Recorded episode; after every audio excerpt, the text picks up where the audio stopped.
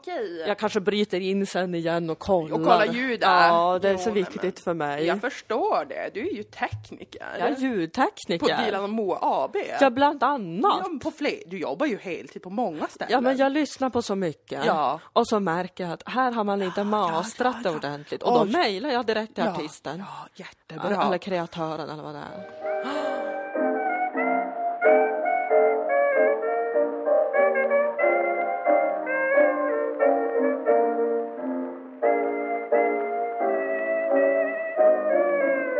Välkomna till Dilan Moa. Podcast. Idag Är det? den första maj. Socialismen ska byggas i betong. Tråkigt Leve material. Skåne och dess Varför Någonting inte ett vackert stenhus målat i pastell? betong. Tillväxt. Administration. De tre tråkigaste sakerna. Absolut. Eh, Men det är första maj. Ja, det är det. Ingen får gå ut för det är corona. Nej, precis. Och tur är väl det. För att om det är någon som är trött på arbetarrörelsen så är det lilla jag. Ja, och är det någon som är helt apolitisk och, och varken lutar höger eller vänster eller mitten så är det ju både Dilan och Moa som jobbar med public service. Ja, Public Service behöver inte oroa sig för oss. Nej, jag Vi har aldrig haft en ingenting. åsikt i hela mitt liv. Jag har haft många åsikter i mitt liv, men de flesta av dem är hat riktat mot... Min främsta åsikt är hat. Ja, mot de flesta som försöker bedriva politik. Jag har ju en väldigt stark åsikt som gäller att cannabis och att vara gravid inte ska vara en grej. Och det, där står jag liksom väldigt fast. Är det inte något mer som du inte tycker ska vara en grej? Mjölk. Mjölk, ja så var det. Mjölk ska inte heller vara en grej. Nej. Eh, det, det, där, där kan man inte rubba mig Nej. i den åsikten. Ja. I övrigt, ingen åsikt. Aldrig haft, kommer aldrig ha. Och jag har ju åsikten månggifte. Ja, det har du. Det har du. Eh, som många gånger nämnt tidigare för att äktenskapet är ett egendomsrättsligt avtal. som bör lyda under avtalsfriheten. Ja, Där ja, med fler än två parter borde få ingå detta. just det. Ja, där, där är vi orubbliga på Ja, några platser, absolut. eller vad man säger, på några, eh, i några frågor. Nej men ni kan inte få oss att ändra oss. Hur mycket ni än försöker, det går Sluta inte. försöka. Det går inte. Jag märker hur ni loggar in nu på facebook.com, går in på Dilan och Moa-sidan, börjar skriva till oss, gör det inte. Nej. Den här veckan så hade våran tv-serie säsong 2, Sagan om Dilan och Moa, men som på SVT Play bara heter Dilan och Moa, Ja. premiär! Ja, det hade den. Det hade den. Det I har, varit, tisdags. det har varit en intensiv vecka. Oerhört. Vi försökte ju spela in, vi tänkte så här, vad roligt det blir om vi spelar in våran podd dagen efter premiären. ja. Vad kul det kommer vara, så mycket känslor vi kommer ha. Det var inte kul. Det var, alltså, jag var i koma. Du låg paralyserad. Ja. Ehm, jag hade en berg och dalbana. Ja, Jag gick in med ilska för jag hade läst eh, någon recension som var ljummen. ja. Så jag var väldigt upprörd hela den morgonen och, och kränkt och kände mig förnedrad av, av det. ja. Eh, för att sedan bli otroligt trött eh, och lite landa med dig i koman. precis. Så det blev ingen höjdar...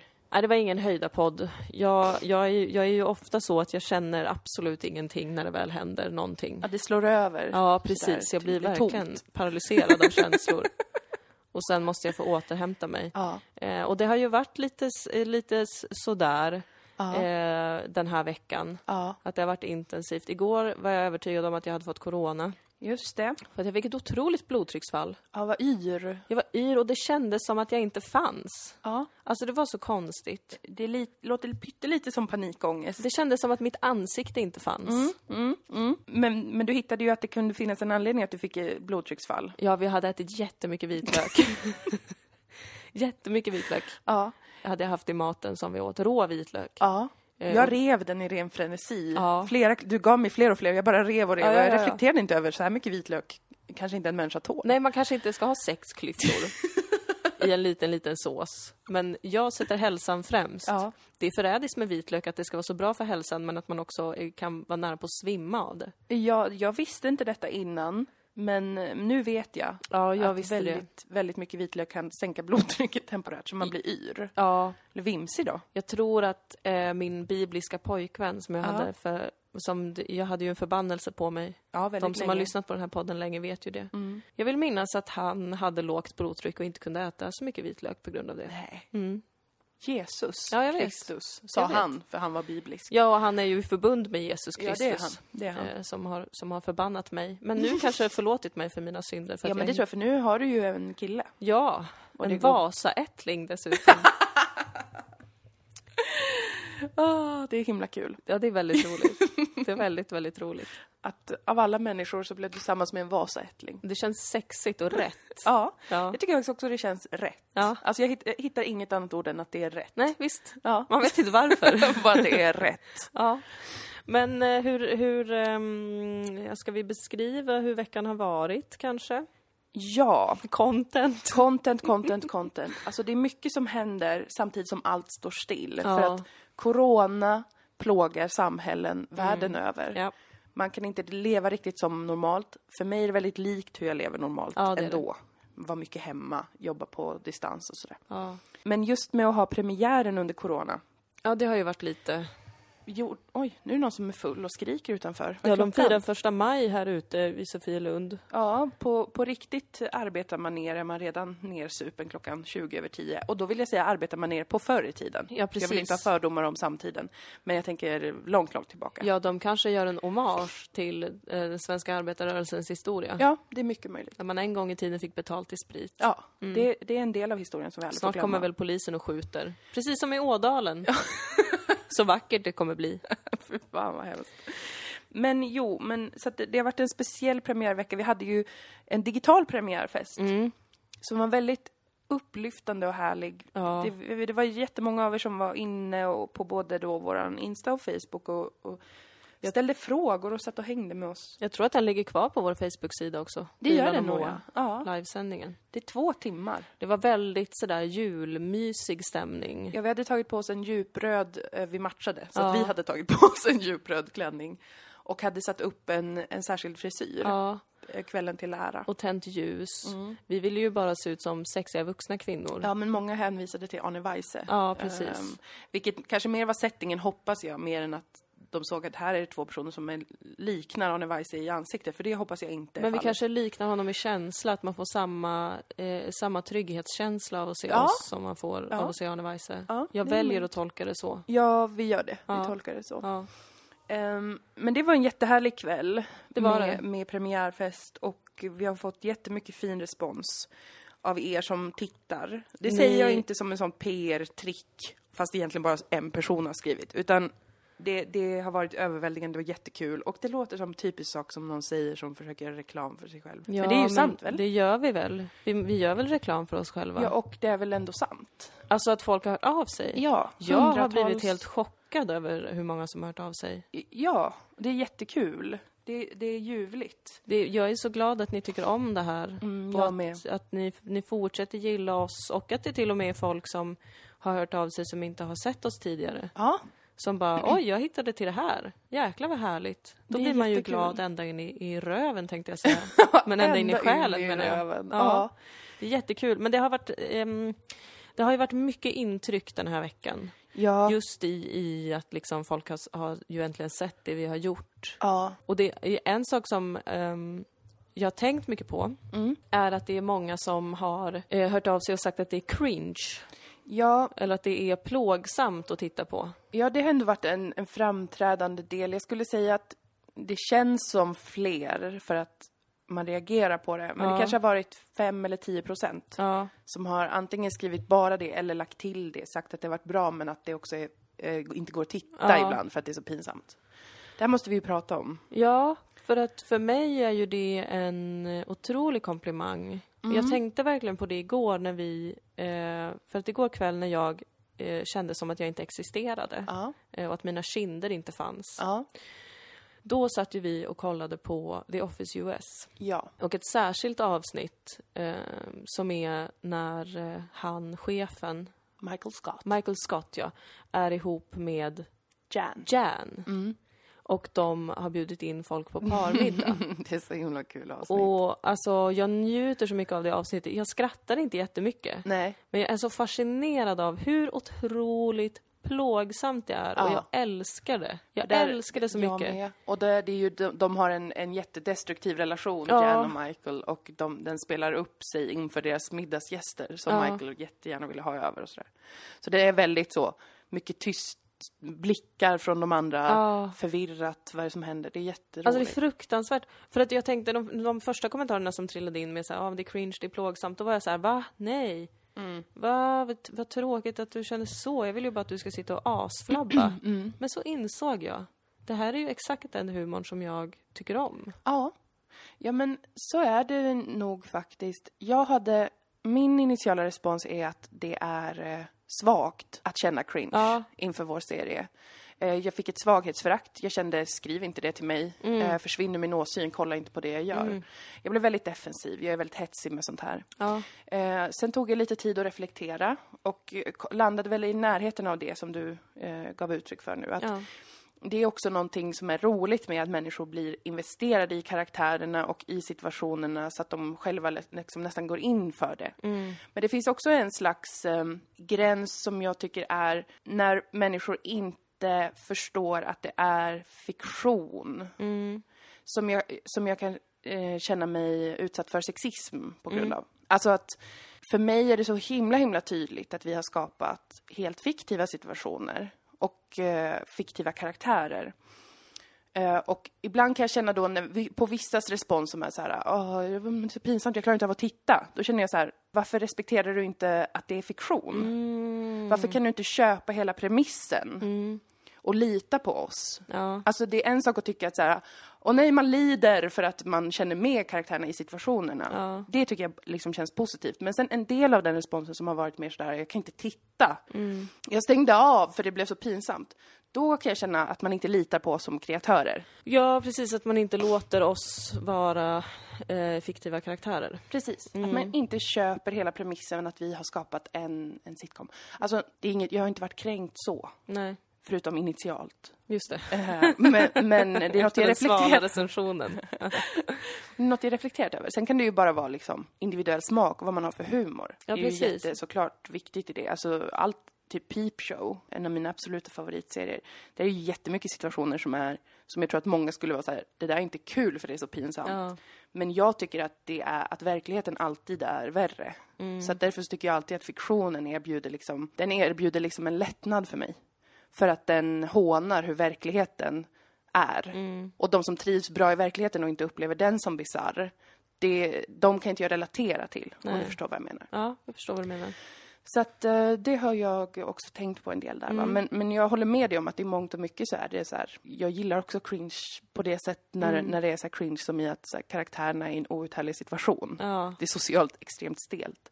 Och det faktum att folk känner med det är kul. Ja, visst, och känslan av att hade det här varit i verkligheten så hade jag gått in och stoppat det här. Ja. Men nu är det en fiktion och jag vill se hur långt den här karaktären tar det. Ja, för det har också varit några som har skrivit så här, det, det, jag typ fick panik över den här situationen men jag måste gå tillbaka, jag vill se mer, jag vill ha mer. Och det känns ju positivt, att liksom man går in i det, kanske så mycket att man själv blir drabbad. Precis. det är ju det är kul. Det är jätteroligt. Det är jätteroligt. Det är jätteroligt. Vi är så glada. Ja, Men det har varit mycket känslor, högt och lågt. verkligen. Eh, mycket glädje över hur ni, alla våra kära, lojala följare, Mm, har tagit emot det. mm, Eh, också ilska mm. över eh, att vara osynlig. Ja, Samtidigt som det finns en glädje i att vara osynlig. Ja. Alltså jag är väldigt kluven inför Ja. mycket. visst, jag är också det. Och det känns som något, alltså det vi pratar om med det här, Mm. Är ju att vi är en del av en bransch, av en scen. Ehm, och både du och jag har observerat, både när vi släppte säsong ett, men då tänkte vi båda att det fanns många anledningar, vad var vår första grej och allt sånt där, som gjorde att vi inte fick eh, så mycket respons av eh, kulturetablissemanget. Eller vad fan man vill kalla det. Inte finkul, de har vi aldrig räknat med. Men många andra produktioner som släpps på SVT får mycket mer bara respons. Mm. Och då kan man tänka, det handlar om att eh, vår serie håller så extremt låg kvalitet att den inte får recensioner eller blir, vi, får inte vara, vi blir inte inbjudna till morgonsoffor eller den blir inte recenserad, allt sånt där.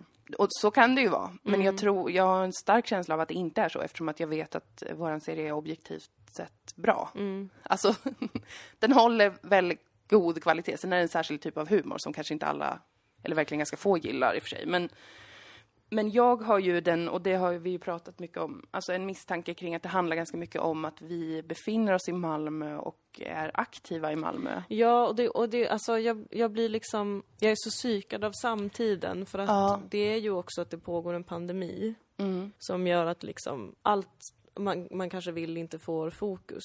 Mm. Men jag har ju också minnet kvar från säsong ett, hur det var. Att det Mm. inte fick så mycket uppmärksamhet. Mm. Men då är det ju också, ja men säsong ett, det var första gången, det var första gången vi gjorde TV. Mm. Hela säsongen var ju som en enda lång pilot liksom. Ja. Jag fattar någonstans att man kanske inte får så mycket press och så vidare. Samtidigt som jag känner, what the fuck? Mm. Här är det liksom en gedigen humorproduktion Mm. från Malmö. Mm. Nej, de pratar kanske inte jättemycket skånska i serien. Jag, jag tar på mig det. Alla pratar skånska. Alla pratar sin typ av skånska. Exakt, för vad är skånska? Ja, väldigt intressant. Och vi Mhm. kommer till det lite senare i dagens podcast. Vad är skånska? Ja. Eh, Men innan dess, nej men alltså hur...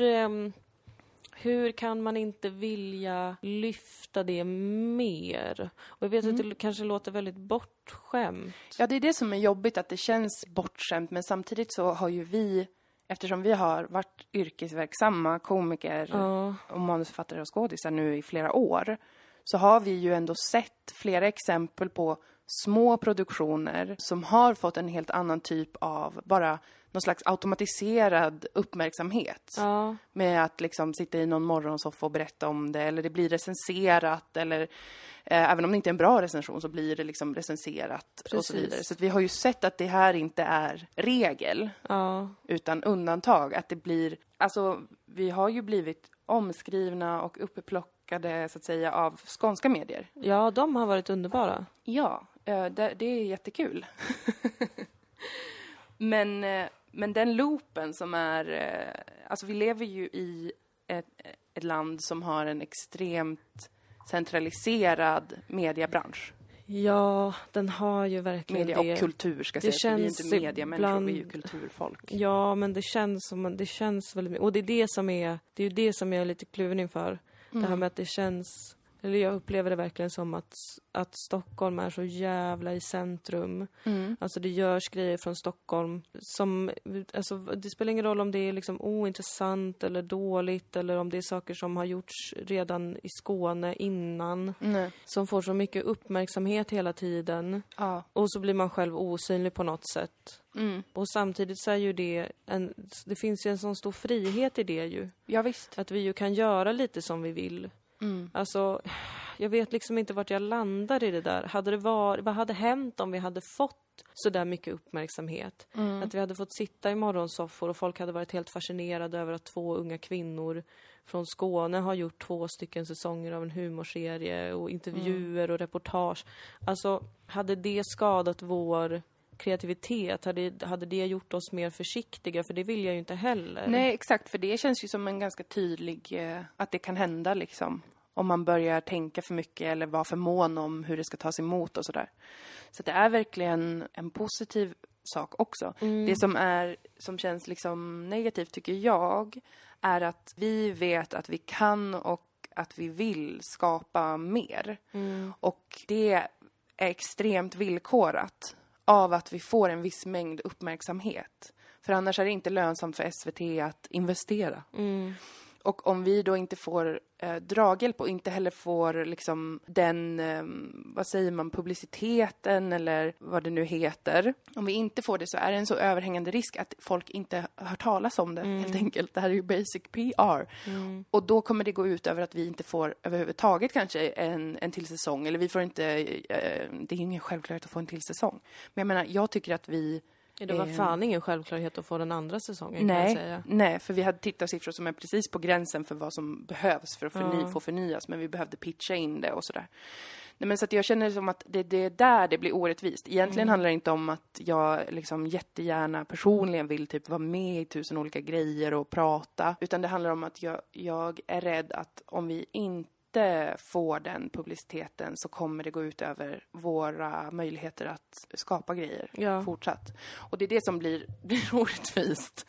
Ehm, det kanske säger sig själv, det kanske var helt självklart det jag just sa. Nej. Men jag tänker när man blir rädd för att känna sig som en diva eller bortskämd och sådär, då är det ju för att man är rädd att det uppfattas som att så här, jag tycker att vi borde få det här och det här bara för att, typ. Vi borde bara få Ja. synas bara för att. Precis, det är väl, om, om, precis, och det var inte alls onödigt det du sa, utan det är ett ganska bra förtydligande. Mm. Att det är ju verkligen det det handlar om. Jag vill ju få göra mer av det här. Ja. Jag vill ju att folk ska se. Ja. Dilan Apak och Moa Lundqvist har skrivit, Mm. skapat, spelat. Det är ju ett bevis på vår förmåga och vår potential att göra det här. Ja. Som vi inte kan övertyga folk om på något annat sätt än att leverera ett fullständigt färdigt verk. Precis. Där de får se att vi har den förmågan så att vi kan bli aktuella för fler saker. Ja. Att få göra mer saker. Precis. Och jag, alltså jag känner mig otroligt osynlig, måste jag säga. Ja, jo men det är ändå, och det som sagt är ju den här, det är ganska eh, fragmenterad bransch. Det finns en, en större bubbla i Stockholm, för det är en miljonstad också. De allra flesta jobb finns där, de flesta produktioner, alla pengar finns i Stockholm. Det är liksom inget som en åsikt, utan det är bara hur det ser ut i det här landet liksom. Det, det är väldigt mycket svårare att få jobb inom det vi gör här i Malmö och även Göteborg lite svårare liksom än Stockholm. Umeå. Umeå Hello. omöjligt. Nej men det, det är liksom, det- är så det Mm. är eh, och, och det finns logiska skäl till det. Men det blir ju som ganska tydligt att när det är typ eh, produktioner i Stockholm, eller även liksom poddar Mm. i Stockholm, där det händer någonting, där det är någonting med kvinnor, Mm. Då blir det en stor grej och tusen, ehm, tusen liksom, eh, rubriker hit och dit Mm. och kultursidorna och det ena med det andra. Och då kan det ju bli en frustration kring att jag upplever det som ett hyckleri. Särskilt den liksom feministiska caset med att det är viktigt att lyfta kvinnliga kreatörer och, och, och frågor, grejer som rör eh, kvinnor som skapar grejer. När det blir väldigt, väldigt tydligt att det gäller bara i Stockholm. Mm. För att Sissela då, um, Sissela Ben som har regisserat båda våra säsonger, som är ju en etablerad underbar skådis, har ju också nu regisserat, vilket är en stor grej. Det är jättestor brist på kvinnliga regissörer, eller det är väldigt få som är det överhuvudtaget. Det har varit ett samtal. Det har varit så här, hur ska vi, hur ska vi liksom göra så att fler kvinnor är regissörer? Det är bara typ en halv procent som är det och de som är det blir typ um, iced out. Nej men jag menar, det har varit ett stort, ett stort samtal som jag liksom har följt och så har vi det. Vi har e- en av liksom Sveriges absolut bästa skådespelare och då regissörer som regisserar två fullängdssäsonger på, på egen hand av en serie. Och hon får inte en enda intervjuförfrågan. Hon, hon har inte, det är ingen som har liksom varit så här, oj fan vad fett att du har gjort detta. Hur känns det att regissera? Alltså även om det inte skulle handla om dig och mig så, så är det, tycker jag, väldigt, väldigt märkligt att, att det inte är en grej. Och det kan inte jag se någon annan anledning till än att det blir fringe, det blir perifert när man gör, lägger en produktion i Malmö. Det, det plockas inte upp på samma sätt, det anses inte vara lika aktuellt och det blir ett hyckleri i mina ögon när man också samtidigt parallellt pratar om vikten av kvinnliga kreatörer, regissörer och så vidare och så vidare. Men det är så svårt det där tycker jag. Alltså jag är verkligen kluven i det här. äh, För att det, det är ju, som vi pratade om tidigare, det handlar ju verkligen om det här att, att få uppmärksamhet för att kunna få göra mer och så vidare. Och framförallt att få pengar. Så jag vet Ja. att jag säkert är väldigt besatt av pengar, men det Nej, är men man måste ju vara det. pengar är otroligt viktigt i, i ett liv. Ja. Och ehm, jag, jag, jag, undrar också ifall folk tror att man har tillgång till mycket pengar för att man syns på SVT. ja, men det så tror jag det kan vara. Det är en myt, vill jag vara tydlig med i så ja, fall. eh, 100 procent. 100 procent en otrolig myt. Men jag är ju kluven också för att de här personerna, eller den här staden då, Stockholm, som man behöver få uppmärksamhet ifrån Mm. För att slå. Det är ju därför så många skånska komiker har flyttat till Stockholm Mm-hmm, för att kunna slå igenom. För att det funkar inte att vara kvar här. Mm. Det är ju samtidigt en plats som jag personligen inte vill ha bekräftelse från. Nej, Förstår du vad jag menar? Ja, ja, Att det är absolut. så här, men jag litar ju inte på den, den delen av kultur och mediebranschen. nej. Eh, för att jag konsumerar den inte, jag tycker inte att den är intressant, jag tycker inte att den tillför jättemycket. Nej. Generellt. Sen Generellt. finns det ju ja, det finns jättemycket undantag givetvis. Jättemycket undantag, men. Men, Jag känner inte att jag behöver den bekräftelsen för att känna mig verklig i mitt skapande. nej. Samtidigt så ser jag att rent strategiskt behöver jag den bekräftelsen Mm. För att få kunna fortsätta i mitt skapande. Precis, jag håller verkligen med för Det är det så jag också känner. Exakt, och det är där jag tror att man, man blir rädd att det ska låta som att, eh, att det ska låta som att vi är divor som är ute efter bekräftelsen från Stockholm. Men det är som du säger, det handlar, det handlar om att branschen och den här världen som vi befinner oss i är väldigt liten och väldigt centraliserad runt Stockholm. Och om vi inte får genomslag, det vill säga fler som upptäcker, hittar våran serie, så kommer vi inte få göra mer för att de kommer vara så här, ni har för, för få tittare. Och jag tror att det finns ju en idé som då är så här, bara, okej men om man skapar något som är tillräckligt roligt, tillräckligt bra, då kommer det få så mycket tittare på egen hand. Och det finns en poäng i det, men det finns också den här verkligheten som är att alla de sociala medieplattformarna som vi är beroende av, för det är typ ingen som kollar på eh, linjär tv längre. Mm. Våran serie sänds ju på tisdagskvällar, men det är inte längre den centrala spelaren. Nej. Så vi är beroende av sociala medier som i sin tur är ägda av privata... Facebook. alltså det, Google. Det, det, precis. Det, det är Facebook och det är Instagram och det är Twitter och det är liksom olika sådana plattformar som vi blir beroende av för att sprida och som SVT också är beroende av för att sprida sina produktioner. Och där är det ju, det är ju ingen newsflash att det jättelätt uppstår bubblor på sociala medier, uppstår fåror och folk in, kommer inte alls i kontakt med någonting som de inte redan har liksom börjat lajka eller så, och så vidare. Det är inte längre en situation där om du släpper någonting på SVT så är det SVT, du, det är där folk går och tittar, utan du är beroende av Instagram, av Facebook, av att det sprids på sociala medier. Och det är fruktansvärt. Och det är fruktansvärt egentligen tycker jag att public service måste kuva sig under då privat kapital, eh, privata företag, för att, för att sprida sin, sina ehm, produktioner. Och att vi då i förlängningen blir beroende av att få uppmärksamhet på sociala medier för att få tittare. Jag hatar det, men, men det är samtidigt inget som jag eller du kan liksom Nej. förändra genom att boom, släppa en, en sitcom. Nej. Det är ingenting som förändras över natt. Alltså ingenting kan spridas i mina sociala medier. Nej. De är ju så obetydliga. För att jag har Ja, inget ska jag- intresse av det. Nej men precis. Jo men det är ju så. Alltså Mm. vadå, min Instagram den är ju inget som går av för hackor direkt. Jag menar jag kan inte sprida grejer där som kommer få uppmärksamhet. Nej, inte i den proportion som skulle krävas för att det i sin tur ska dra in tittare. Och det Nej. gäller ju samma för mig, även fast jag har fler följare, mer aktiv än dig på Instagram till exempel. Så det är inte i närheten vad som behövs för att få så stort genomslag att folk faktiskt går in och tittar Mm. till exempel. Det, det finns ju matematiska uträkningar för det här. Det finns liksom eh, exakta staplar och hit och dit för hur mycket genomslag för si och så många tittare. Och det här vet SVT om. Det här håller de på med skitmycket. Det här påminner de om eh, till oss Ja. och säger liksom att om vi inte har klipp som, som skapar uppmärksamhet så kommer de inte heller lägga upp klipp i den utsträckningen för att det drar ner deras Precis. tittning på deras sociala medier. Ja. Det- De har ju det hela, bara de har ju det hela sitt utbud att ta hänsyn till Exakt. i det. Och det förstår man, men då kan man också förstå att det inte längre rör sig om att skapar du någonting som är liksom kul och unikt så kommer det kunna få genomslag bara av att det är kul och, och unikt. För att det är så pass fragmenterat, hela den eh, sociala medier-businessen. Så att det kanske är liksom, med parentesen som vi nu på grund av ödmjukhet alltid måste lägga in, med parentesen att kanske är det så att vi har gjort en helt ointressant och tråkig serie. Ja, såklart. Det- Och i alltså- sådana fall, absolut, då är det väl det. Men om man får tänka att det finns andra saker i görningen som big data, big capital, ja, eh, en hel kultursfär i ett litet, litet land eh, med en miljonstad som huvudstad där alla produktioner ligger. Om man får tänka att det kanske också spelar in Ja. primärt. Jag tycker så det är så sånt. oproffsigt av branschen. Mm. Jag tänker på, jag var på någon, för massa år sedan så var jag på någon, något typ så frukostseminarium med Baker Karim. Mm. Som var, jag tror inte han hade det längre, men han var långfilmskonsulent på Svenska Filminstitutet. Mm. Och han pratade om mångfald.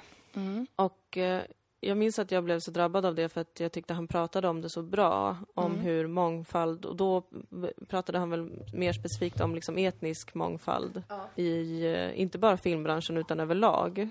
Mm. Eh, hur han pratade om att mångfald Eh, för att alla älskar ju att prata om mångfald och säga att Ja, de visst. står för mångfald. Ja, visst, och Det feminism. Ju, ja visst, det är ju så lätt att säga, Mm. men det är jättejobbigt att agera på. Men då han pratade om att liksom mångfald eh, inte handlar om att så här, det ska vara någon slags millimeterrättvisa och alla ska få synas, utan att mångfald handlar om kvalitet. Att Oh. kvaliteten brister när det inte finns mångfald. Mm. Och det tänker jag på mycket i, i vårt fall också, om man tänker på må- en mångfald av, en geografisk mångfald av vad som får synas. Mm. Alltså annat än Stockholmsproduktioner. Mm. Att den bristen på mångfald gör ju att det också faktiskt brister i kvalitet, tycker jag, Ja. i utbuden. Ja. Och att hur branschen, alltså då menar jag inte bara public service utan också produktionsbolag, privata aktörer, Mm. allihopa, att, att man inte prioriterar den geografiska mångfalden vid Mm. sidan av liksom en bra representation av kvinnor och Mm. minoriteter och så vidare. Att man faktiskt får en bristande kvalitet i utbudet. Ja, precis. Och det, det är svinintressant för jag tänker också på en bristande utbud när det kommer till olika typer av, Ja, då i det här fallet TV. olika genrer Olika och uttryck. genrer. Precis. Genres. Mm. Alltså att det blir väldigt likriktat väldigt snabbt. Om man räknar utifrån bara vissa väldigt specifika parametrar som är till exempel då genomslag på sociala medier. Eh, eller eh, jag vet inte, punchlines. Mm.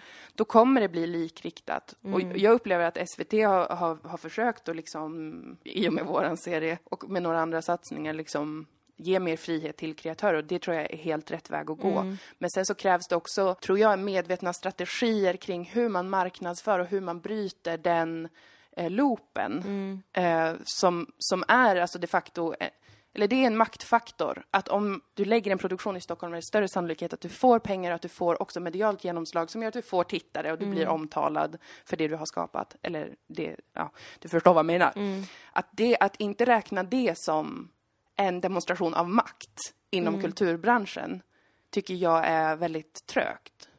För att det blir det Lita på algoritmerna. Det ska man ju aldrig göra. Nej, gör inte det. För det blir ju svinlikriktat och då blir det utkonkurrerat fast på oschyssta villkor. Alltså Ja, då, det blir dåligt. Ja. Alltså det blir så himla dåligt. För jag menar, om, man, om, vi, om vi knyter tillbaka till det här med, med marknadsföringen och just sociala medier och bubblan, vad som slår. Mm. Alltså det märks ju hur det har påverkat svensk TV i form Mm. av vilket inflytande kändisar har fått. Ja, visst. Alltså att eh, kändisar, denna allmänna generiska beteckning eh, på folk som kanske är kända inom något område, har redan haft mycket utrymme i TV och media, har en stor fanskara sedan länge, att de får göra så mycket innehåll Ja. i massa olika genrer.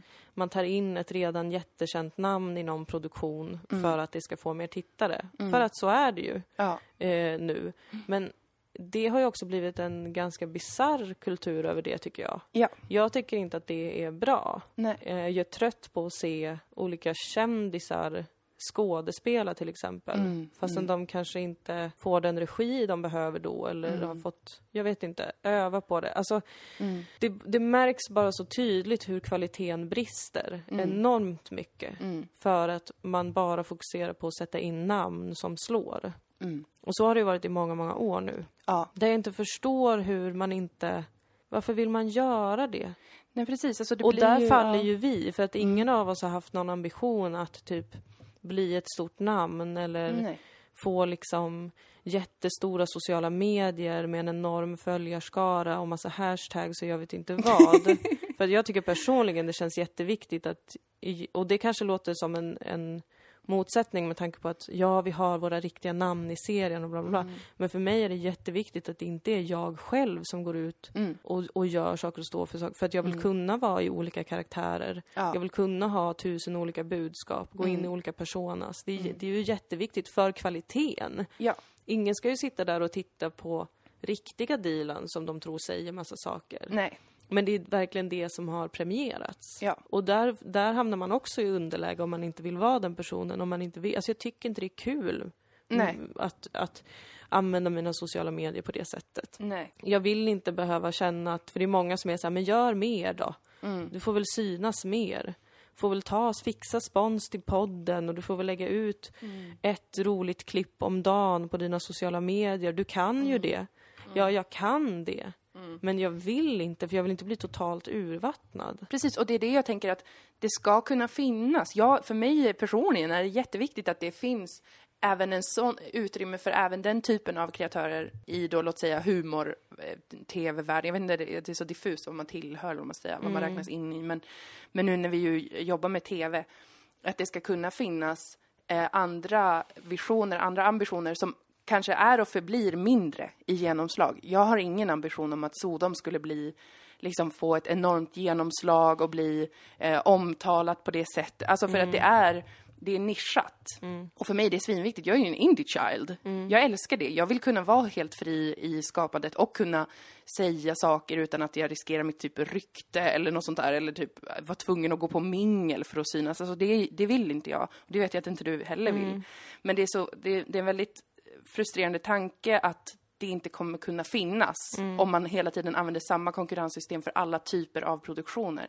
För jag är helt fine med att det finns de här massiva liksom familjen knullfacet som man följer och alla tycker är svinkul och alltså massa sådana här superstora och även superstora humorproduktioner.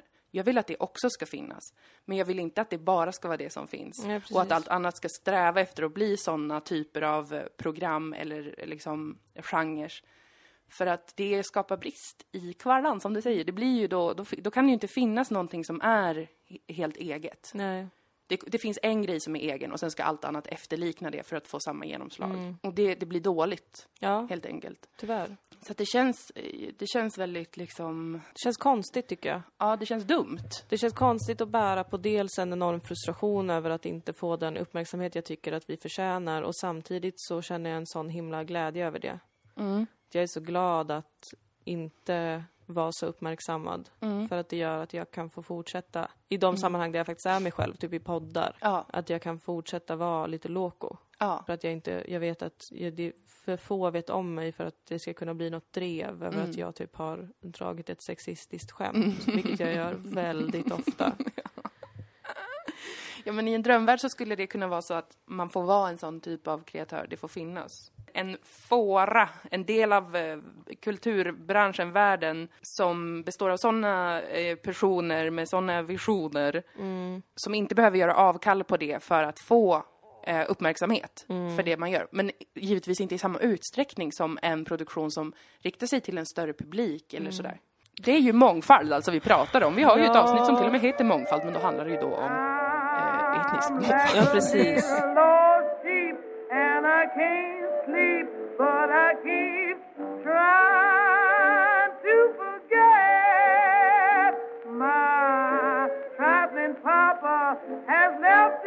Jag känner också en ganska stor så här, hopplöshet på ett sätt. Både som kvinnare och kvinnare. Finnare? Det är alltså ihopslaget kvinna och invandrare. Ja, just det. Som Mm. kvinnare Mm. känner jag också en stor hopplöshet. Jag berättade ju för dig igår om, jag har beställt hem en enormt tjock bok om hellenistisk astrologi. Ja. Och då eh, går författaren igenom eh, olika hellenistiska astrologer som har funnits genom historien. Och så är det olika namn då, den här, den här, den här. Och sen så är det ett namn, Mm. eh, jag minns inte vad hon hette, men vi säger Helena. Mm. Då är det Helena och andra kvinnliga astrologer. Har ett eget. Alla kvinnliga astrologer får ett eget stycke. Eh, Och det skrivs om hur liksom förmodligen har kvinnor under hellenismen hållit på med astrologi. Det här, den som är namngiven är den enda som vi har kvar Ja. information om som är angiv, eh, namngiven. Allt talar för att hon var väldigt duktig på det här, men Ja. allt har också förstörts för Ja. att kvinnor har inte fått... Det är som att kvinnor har fått göra saker, Mm. men de har inte fått bli ihågkomna. Nej. Det här tänker jag på ofta, att det verkar vara så i historien. Att Mm. ja, kvinnor har alltid haft ett underläge, men på något vis har vi alltid gjort grejer ändå. Folk har liksom tagit den platsen och det Ja. har gått. Ja. Men det är själva minnet av det som alltid försvinner. ja, det är verkligen, verkligen sant. Som gör att jag blir så här, vad spelar det för roll? Nu har vi liksom slitit och jobbat så jävla hårt och alla i vårt team har jobbat så jävla hårt för att få det här att hända. Men kommer det ens minnas? Mm. Och lite samma hopplöshet som invandrare känner jag också. Jag kallar mig själv invandrare, jag, jag är född här men Men det är förstår. roligt i serien också att vi, att uh, Dil, karaktären Dilan kallar alla invandrare som inte är vita svenskar. Ja, det är bara kallar sig själv svart. Det är väldigt kul tycker jag. Ja, men jag tycker rasifierad har blivit ett så snobbigt uttryck. Ja. Men, eh, Det, ta tillbaka ordet invandrare. ja, för det är hela tiden den här känslan av att liksom folk pratar så mycket om att de vill ha mångfald och de vill se invandrare och invandrartjejer och jag vet inte vad. Mm. Men jag känner samtidigt inte att jag får finnas på samma villkor. Nej. Att jag blir läst på samma villkor. Ehm, och det finns hela tiden den här oron över att liksom jag är född här, jag är uppvuxen här Mm. och jag får finnas när jag dansar för dem. Ja.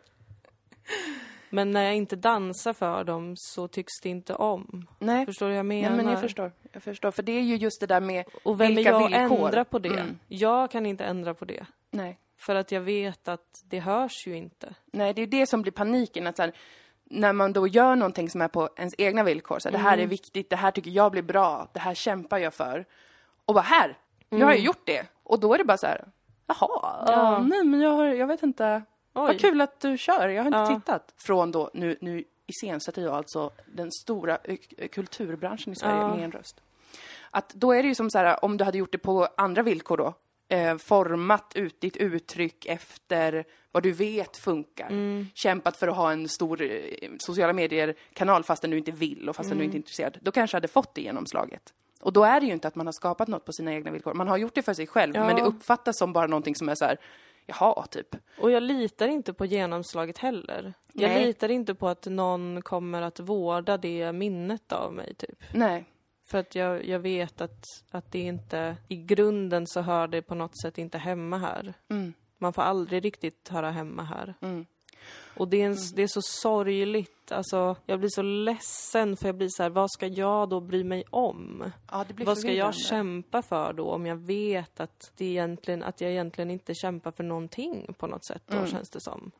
Men Vad spelar det för ja. roll? Ja.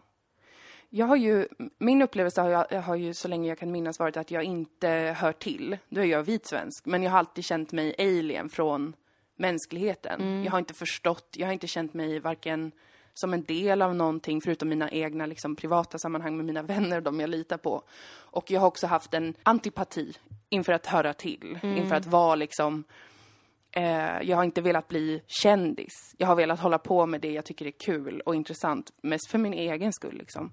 Eh, och då när, när det läggs på ett krav, så här, du får göra detta, ni får de här pengarna, ni får göra er serie. Det är helt fantastiskt. Och sen så kommer inte det, de reaktionerna, typ så här, oj, det är två ganska gröna kvinnokomiker som har skrivit och spelar och eh, en regissör som har gjort, ja men du vet, det, det händer inte och då är det så här, jag vill ju, då blir jag så här, jag blir ehm, lite, jag blir frustrerad för att jag känner så här, jag ville inte höra till från början. Jag vill inte ha er. Men jag vill ha ett samhälle där sådana som jag och du finns och skapar och gör kultur och humor, vad det än är. Och är fria i det. Aldrig rika kanske, aldrig kända. För det är inte intressant på det sättet. Okej, jag vill ha pengar, du vill också ha pengar. Men inte, jag, behöver, jag behöver inte så mycket mer än vad jag har. eh, ekonomiskt, jo ganska mycket mer. Men det är en parentes. Men som ändå kan få finnas och skapa saker för att det finns ett egenvärde som samhälle att ha väldigt mycket olika typer av kultur och skapande. Det vet jag ju att jag faktiskt tycker. Men det är väldigt lätt att bli nedslagen då när man, när man upplever att nu har vi gjort det. Och vi har kämpat för det. Vi har lagt ner så mycket tid och energi och älskat att göra det. Men sen försvinner det liksom. Känslan är att det, det syns inte, det hörs inte. Och då är det väldigt lätt att känna sig ju helt maktlös och bara, ja ah, men då skiter jag i. Då skiter jag i. Jag har också haft en så här, kanske bara ska lägga ner typ. Ja. Kanske bara ska typ flytta ut på landet och börja odla saker. Ja. Men jag tror att förhoppningsvis efter den känslan av maktlöshet lägger sig så kan det komma tillbaka den så här, men det är, vi skapar av andra skäl. Ja, precis. Och att skapa sin egen plattform. Att inte... Alltså det är så lönlöst att försöka komma in på de etablerade plattformarna som ändå Ja. inte vill ha en. Ja, Men det krävs ju väldigt mycket energi för att komma dit. ja, Och där, där svajar jag väldigt mycket i perioder. samma här. För där kommer ju vi från två helt olika håll också på ett sätt. Du har Mm. aldrig velat höra till. Jag har velat höra till jättemycket. Just för att jag har fått veta så tidigt att jag hör inte till. Nej. Jag har ingen självklar plats i det här samhället.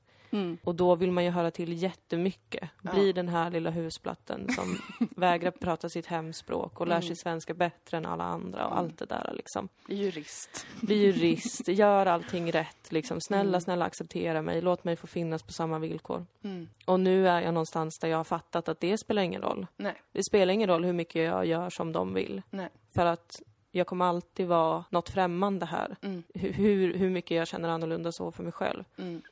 Men då blir det ändå den här känslan av att liksom, vad fan gör jag då? Ja, det är maktlösheten. Ja, Att bara, jaha, typ. ja. Vad ska jag, vad ska jag tro på, tro på, tro på när, tro på när det är så här. Ja, det Ja. var Thomas Ledin med Ja, en tro. underbar man som vi alla Nej, det är älskar. inte Thomas Ledin. Vad heter han? Nej, just det. Thomas Di Leva. Förtal. Nej, men visst, det blir, ehm, det blir väldigt svårt. Man blir sjuk i huvudet. Och det är väldigt svårt att behålla tron. Mm. Jag har ju alltid varit väldigt fascinerad av, intresserad av och älskat ehm, humor. Mm. Och mina favoritproduktioner har, är nästan uteslutande sådana som har eh, tagit väldigt lång tid att bygga upp. Både publik och liksom själva innehållet. Men som för mig finns kvar för alltid. Alltså, The Office US, It's Always Sunny in Philadelphia, Peep Show, Arrested Development, Maria Bamford Show. Mm. Eh, hennes YouTube-serie. Helt gratis producerad. Det bästa som någonsin gjorts på YouTube, tycker jag. I alla fall. Eh, så att jag vet ju någonstans i bakhuvudet att det här är en del av ett mycket större liksom, system, hur det funkar med sådana här grejer och hur det funkar med, med kultur och konst och skapande och sådär. Men den tron, eller vad fan man ska kalla det, är väldigt lätt att, att förlora när man känner sig eh, dränerad och som att man har gett så jävla mycket för att man vill, för att man tycker det är viktigt och det är kul för en själv men också kanske då i något större sens att det är viktigt att det finns massa eh, grejer och folk som kör och inte kuvar sig under olika maktsystem. men den är väldigt lätt att liksom börja tvivla väldigt mycket på när det känns som så här okej, vi har jobbat med detta ett år. Just med serien nu då, knyta tillbaka till den, så vi har jobbat med det ett år. Vi har haft eh, en av de lägsta budgetarna som finns på SVT. Vi har varit helt i Malmö, vi har varit med i alla delar av processen. Vi har kämpat för alla saker som vi tror och tycker är viktiga för att det ska bli ett resultat som vi kan vara stolta över och nu är vi det och vi är där. Och då när man inte riktigt känner att det tas emot för det som det är så är det väldigt, väldigt lätt att känna så här, nej men då, då finns det ingenting då är det omöjligt att, att liksom tro på att det är värt någonting för, för andra än kanske mig själv och då kanske jag bara själv ska göra grejer. Och typ, det är ju ofta så också det får vara, att man får göra, gå tillbaka till liksom, då gör vi detta själva. Men det, det, det är jobbigt och det är sorgligt att känna den så här, det finns ingenting jag kan förlita mig på. Alla säger att de vill ha det här. Alla säger att det är viktigt och att det är eh, helt centralt att det finns... Var är eh, kvinnorna? Var är kvinnorna? Var är invandrarna? Ja, men vi är här. Vi har gjort en asfet grej liksom, men, men det Men vi är... kanske inte gjorde exakt det som ni ville. och vi kanske inte var på den platsen vi då skulle vara på för att eh, eh, bli sedda då. Stockholms innerstad. Precis. Men, men ehm, på, on a hopeful note så tror jag att när den mm, känslan av frustration och maktlöshet, när man be, betar sig igenom den steg för steg, så kommer man ändå förhoppningsvis, och vi också då, till den punkten där den, den rena sanningens källa, som är att kultur och konst och humor och som vi håller på med, är viktigt för att det är viktigt. Det, är inte, det finns liksom allt det här hyckleriet och allt det här skitsnacket runt omkring kommer alltid vara där för att människor är en dum art och vi har, det är bara massa konstiga, äckliga interna hierarkier överallt och massa bubblor av idioti. Och det är det. Det kommer typ alltid vara så säkert. Men det finns någonting att tro på som är att skapa saker och hitta sitt uttryck och stå stark i det är värt det. Men just nu känns det inte riktigt så kanske. Fastän man kanske totalt glöms bort av Precis. historien. Och om hundra år så kommer de vara så här, här är en bok om eh, vad vår civilisation nu kommer kallas. en bok om humor i den tiden. Kapitlet Dilan, Moa och andra kvinnliga komiker. Det finns bevarat vissa fragment. Grotesko-tjejerna Ja. och dil- någon som hette Dolan och Mulen. vi tror att det fanns någon som började på D och M, Ja, men vi är väldigt osäkra. men vi kan inte vara säkra. De kanske var barn till komiker, så att de hade lärt sig på den vägen. Nej, det är konstigt. Men alltså, jag vill vara tydlig med att det, det verkligen finns en stor glädje. Ja. Det finns en stor stolthet. Vi är jätteglada, vi är jättestolta över vad vi har gjort. Mm. Ehm, och vi är så glada att ni är så många som har tyckt om det. Ja. Sen samtidigt som den känslan finns, Mm. finns en annan känsla Mm. av stress, osäkerhet, Mm. eh, ilska. Mm. En känsla av att bli konsekvent orättvist behandlad. Och så här fungerar ju förtryck. Just det. Att det är väldigt, eh, det puttrar. Mm. Det är hela tiden något i bakgrunden och man känner sig alltid galen. Ja. För man tänker, är det jag som hittar på det här? Mm, mm, mm. Men jag ser ju att det, är, det finns skillnader, jag ser ju det. Ja. Men de är inte solklara. Nej. Så jag kan inte liksom skrika ut och kräva massa saker för då Nej. kanske någon säger att jag är galen. Ja, just det. Just det. Och det är så listigt med förtryck. Det är listigt och det är Ett starkt eh, ord, irriterande. förtryck. Men Låt oss inte skruva Nej. ner vad vi känner. nej, Nej, men, men, det, men det är konstigt mm. att det är, det är så många känslor på en gång. Och, och, och det är hela tiden den här rädslan över att ska jag verkligen prata om det här och de, de negativa känslorna som finns? För då kanske folk tror att jag är otacksam. Mm. Och det är ju det värsta man kan vara i Sverige. Mm. Eh, vare sig det handlar om att man har fått ett medborgarskap eller om man har fått en tv-serie. Mm. Så får man ju aldrig någonsin känna sig otacksam eller framstå som otacksam. Mm. Jag är tacksam, jag är jätteglad att den här serien fick en andra säsong för att den behövde en andra säsong. Ja, Det är den en kan som pågå måste så ha- länge. Ja, det är en värld som måste byggas hela Mhm. tiden, som Mm. man måste få lära känna över lång tid. Mm. Men den där satans tacksamheten får en också att eh, göra väldigt mycket Mm. För ofta alldeles för lite. Ja, ja, visst. Och får en att tro att man är liksom sämre ju, än vad man är. Mm. Ehm, att få höra, för så är det ju med public service väldigt mycket har varit sen de tidiga P3-dagarna. För min del så har, vi, har jag konsekvent fått höra, det finns andra som kan göra detta. Med löneförhandling och liknande så har det, användes det jätteofta. Ja, det gjorde det. Att liksom, det är, ingenting, det är ingenting som säger att om du ställer krav så får du vara kvar. Nej. Jätte, jättemycket sådana grepp kring det. Att liksom, om du ställer krav, om du säger typ, jag vill, jag vill ha så här mycket i lön för jag tycker att jag gör och bidrar med detta. Så byter vi nog ut dig. Mm. Underförstått har det varit en sån känsla och som, som jag har då anpassat mig efter. Och inte kunnat då känna, jag är för fan kreatör, jag skriver, jag har gjort hur mycket som helst. Jag jobbar bra, effektivt, jag har idéer, jag kan vad jag håller på med. Det har jag inte känt, utan jag har känt så här, när som helst så kan jag göra fel och då får inte jag vara med längre. Med det enda jag vill hålla på med, som är att skapa den här typen av eh, humor. Jag visste att man alltid är där på nåder. Ja, Och det är en irriterande känsla för att man, då, då, då kan man aldrig riktigt känna en riktig stolthet över det man gör. nej och jag tror, jag tror att det faktiskt också generellt sett drabbar kvinnor hårdare.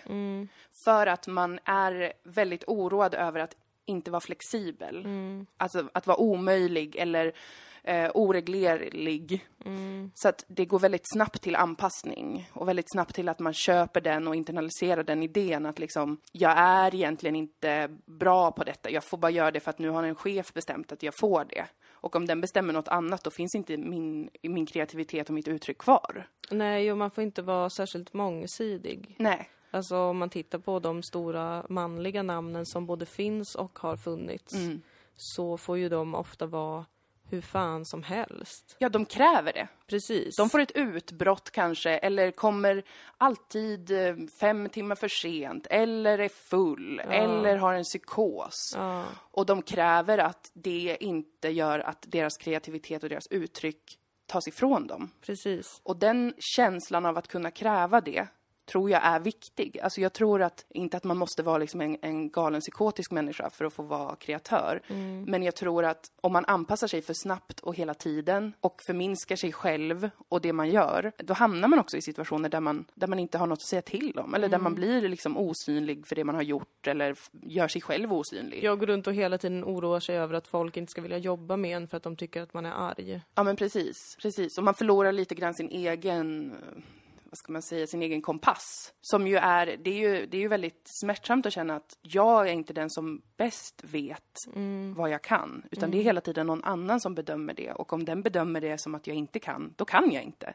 Det är ju en väldigt så här verklighets... eh, Alltså det blir surrealistiskt för en. Och väldigt svårt att ha och, och bygga upp ett självförtroende och en pondus i sitt skapande. Jag, jag känner det liksom med stand-upen så, jag har all, aldrig varit så bra på det eller aldrig gjort så mycket av det. Men det är först de senaste åren när jag har hållit på sen, ja i tio år, till och från med stand-up. Det är de senaste typ två åren som jag känner att jag har ett uttryck på stand-up-scenen och jag känner att jag trivs med det och jag, och jag känner att jag får göra vad fan jag vill. Det är ingen som har sagt det till mig rakt ut. Du får inte göra vad du vill. Du måste anpassa dig. Men det i kombination med massa andra grejer har gjort att jag har anpassat mig jättemycket. Varit nervös så inåt helvete. Haft så extremt mycket ångest över att stå på en scen och försöka vara rolig. Men jag har fortsatt för det har varit liksom som ett infekterat sår som jag inte kan sluta pilla i. Men att det tar så jävla lång tid. Och jag tror verkligen att om jag hade varit man och haft med mig mer i ryggraden att jag har rätt att vara så som jag är, eller jag har rätt att dra med mig det och ta den platsen, då tror jag inte att det hade tagit åtta, nio år innan jag började känna mig säker i min humor på scenen. Det tror jag verkligen inte. Nej. Så det är faktiskt ganska orättvist. Ja. Men det är ju ingen enskild skyldig. Det går ju bara att försöka, alltså jag tänker det kan vara bra för att förstå på ett större plan. De som är skyldiga är de här som tjatar om mångfald hela jävla tiden. Och tror att det går att lösa genom att sätta in kanske en svart person framför kameran.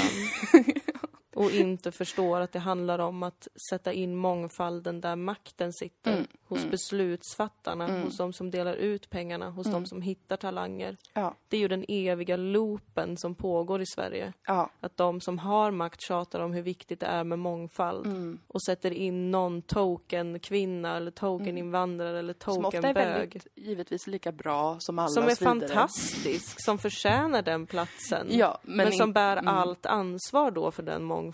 Ja, och som då att- precis, som måste göra det på de villkoren att du är också här nu underförstått. Ja. För att du har kanske ett annat perspektiv. Ja, Det kanske är en, en svart person som är moderat, men som liksom är, förväntas då i ett visst humorsammanhang vara liksom då, ja men någonting helt annat för Ja. att det passar bättre in i bilden av in den med här gruppen.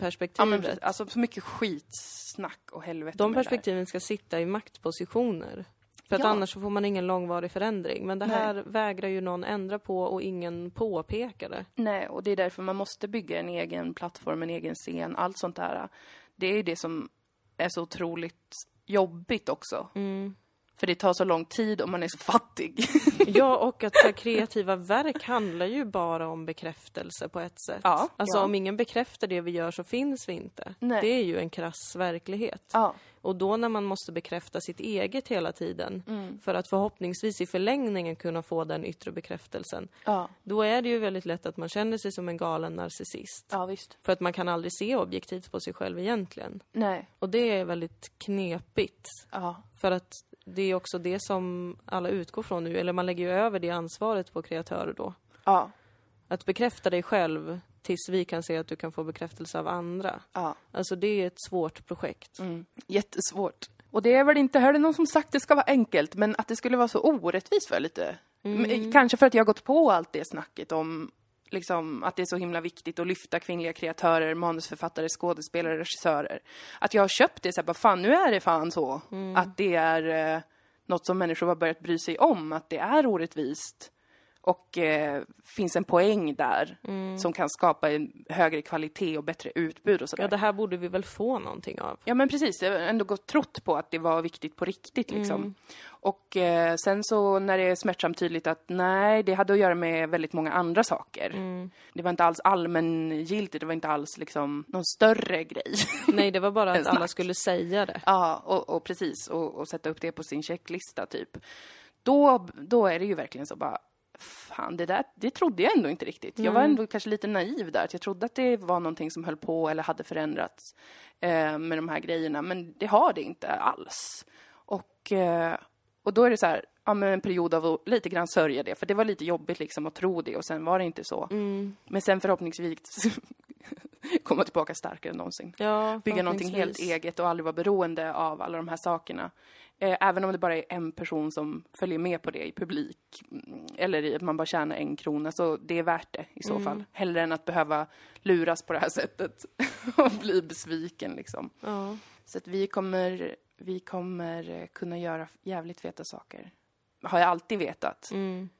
Men det är eh, processer av att jobba med detta ju. Det här är ju en del av processen när man släpper ifrån sig någonting som man är enormt stolt över och pirrig inför och liksom allt sånt där. Och sen eh, hantera det att, ja, nu är det så här typ. Nu är det det här vi... Alltså man slängs mellan olika världar så mycket. Ja, så det blir mycket. mycket känslor. Och som du sa tidigare också, jag vill också vara väldigt tydlig med att vi ser all den responsen som är jättefin och rolig och allt det. Vi är jätte, jätteglada över det och även det finns också många i Stockholm som liksom skriver, alltså det är ju ingen extrem situation så. Det är mer en större strukturell eh, eh, problematik Som man påminns om. som man påminns om väldigt tydligt. Så att tacksamhet råder, men, men också mycket frustration. Ja. Och passion. Ja, och vetskapen om vad vi förtjänar. Ja, faktiskt. Och vi förtjänar mer. Mm. Jag tycker att vi har bevisat nu vad vi är kapabla till. Det har vi. Mm, till- Det var ett meddelande till Kultursverige. Ja, det var det. Och de kommer ju aldrig höra detta. Nej, De. som, en, som ett kluster av folk. jag tror inte det. Vi får väl ta in alla eh, Grotesco-killar i nästa säsong. Ja, kanske. Så får de skriva den. Fast vi, säger, ja, vi gör någon sån grej. Då kommer det bli så. Ja, vi gör en sån tjejer i humorbranschen! Åh, det är så svårt för dem. Och... Eller så bara säger vi att de har skrivit det. Vi, Ja. vi gör en överenskommelse med dem att vi, vi har skrivit, nu skriver vi en tredje säsong om vi någonsin får det. Jag antar att vi kommer behöva pitcha igen. Ja. Eh, Eller och, inte få pitch efter att de har hört oss prata. ja, säkert. säkert.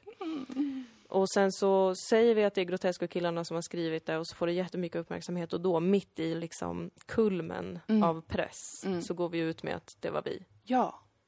Vi kan till och med skriva nu. Vi skriver till Alex och Sigge, Filip och Fredrik, Grotesco-killarna och så säger vi så här, kan ni gå ut och säga att ni har skrivit en ny säsong av en humorserie som ligger på SVT Play?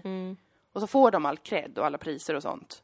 Men då åtminstone ser folk det. Ja. Så kan vi veta, ah, skönt att alla ändå såg det. Även fast de trodde att det var de här killarna som hade skrivit det. Men vi måste gå ut med sanningen innan de dör. Ja, precis. För att om det bara är vi kvar sen som säger att det var vi, då kommer alla bränna oss som häxor. Just det, de måste vara de som sen säger det var ett prank. Det är Mm. Ja. egentligen de här tjejerna som har skrivit det. Eh, och då, då kommer vi inte bli mördade för då försvarar de oss mot pöben. Exakt, Det är jättesmart, det måste vi verkligen komma ihåg. Mm. det ska vi göra. Vi får inte riskera våra liv på kuppen. Nej, nej, nej. det är nej, trots allt bara kultur. nej. Herregud. Fniss. Bara, åh, det där också. Jag ska inte börja. Nej men nu har vi avhandlat mycket av detta. Ja, mycket av känslorna kring premiär. Det är inte bara guld och gröna skogar. Det är inte bara utan- galafest och supa och knulla utan det är också en hel del kamp alltså. Ja, en känsla av att inte existera. Precis, att ens ansikte bara tynar bort liksom Ja, och blir precis. ingenting. Det är som när man har ätit riktigt mycket vitlök och man inte känner sina kinder.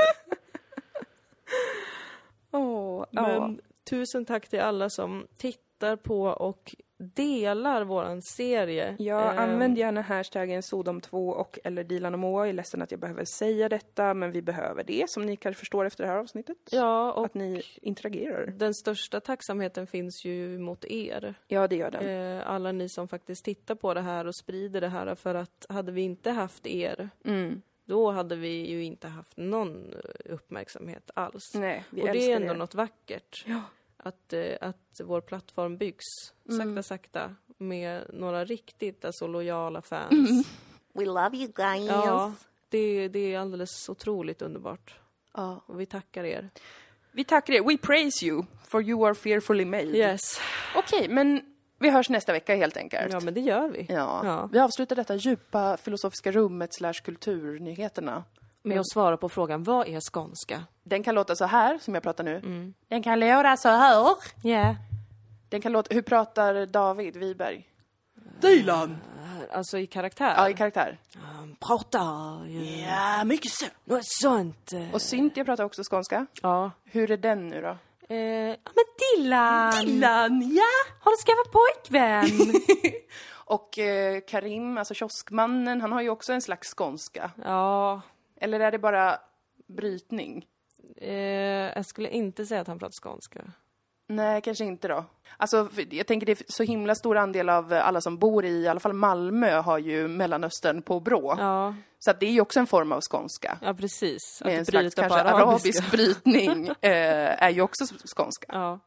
Säger jag, för jag är otroligt woke. Ja, du Alltså, så man woke. blir mind-blown av hur jag, woke jag är. Min hjärna stängde av för att det var för mycket wokeness. Jag förstår det. Jag Mm. blev eh, inringd till att komma till Stockholm nu och prata i ett Äh, vad debattprogram. roligt, gumman. Nej, jag vet, för jag Grattis. älskar mångfald. Ja, men jag med. Eh, för mig som vit kvinna är det jätteviktigt. Jag vill bara inte ha den i ansiktet liksom. Nej, alltså jag vill inte behöva möta det jämt, Nej. om man säger så, för det känns jätteobehagligt. Alltså, men jag ska vara helt ärlig, jag typ förstår den inte alltid. Nej, men typ samma här. Nej men så jag förstår inte alla deras skämt. Och då blir jag lite så här: oj, då blev jag exkluderad. Och då känner jag lite så här, uh, vad händer inte nu? det rasism? Jo men det är det, det är det som är rasism och Ja, det är det debattsamtalet idag kommer handla om. Rasism mot vita. Mumsigt. ja Okej, men, men tack för idag nu kilar vi. Nu kilar vi, vi hörs nästa vecka. Puss puss! Puss! Hejdå! Ja, gå in på www.podstore.se och, och köp merch, Merch! ska jag säga. Så, hej!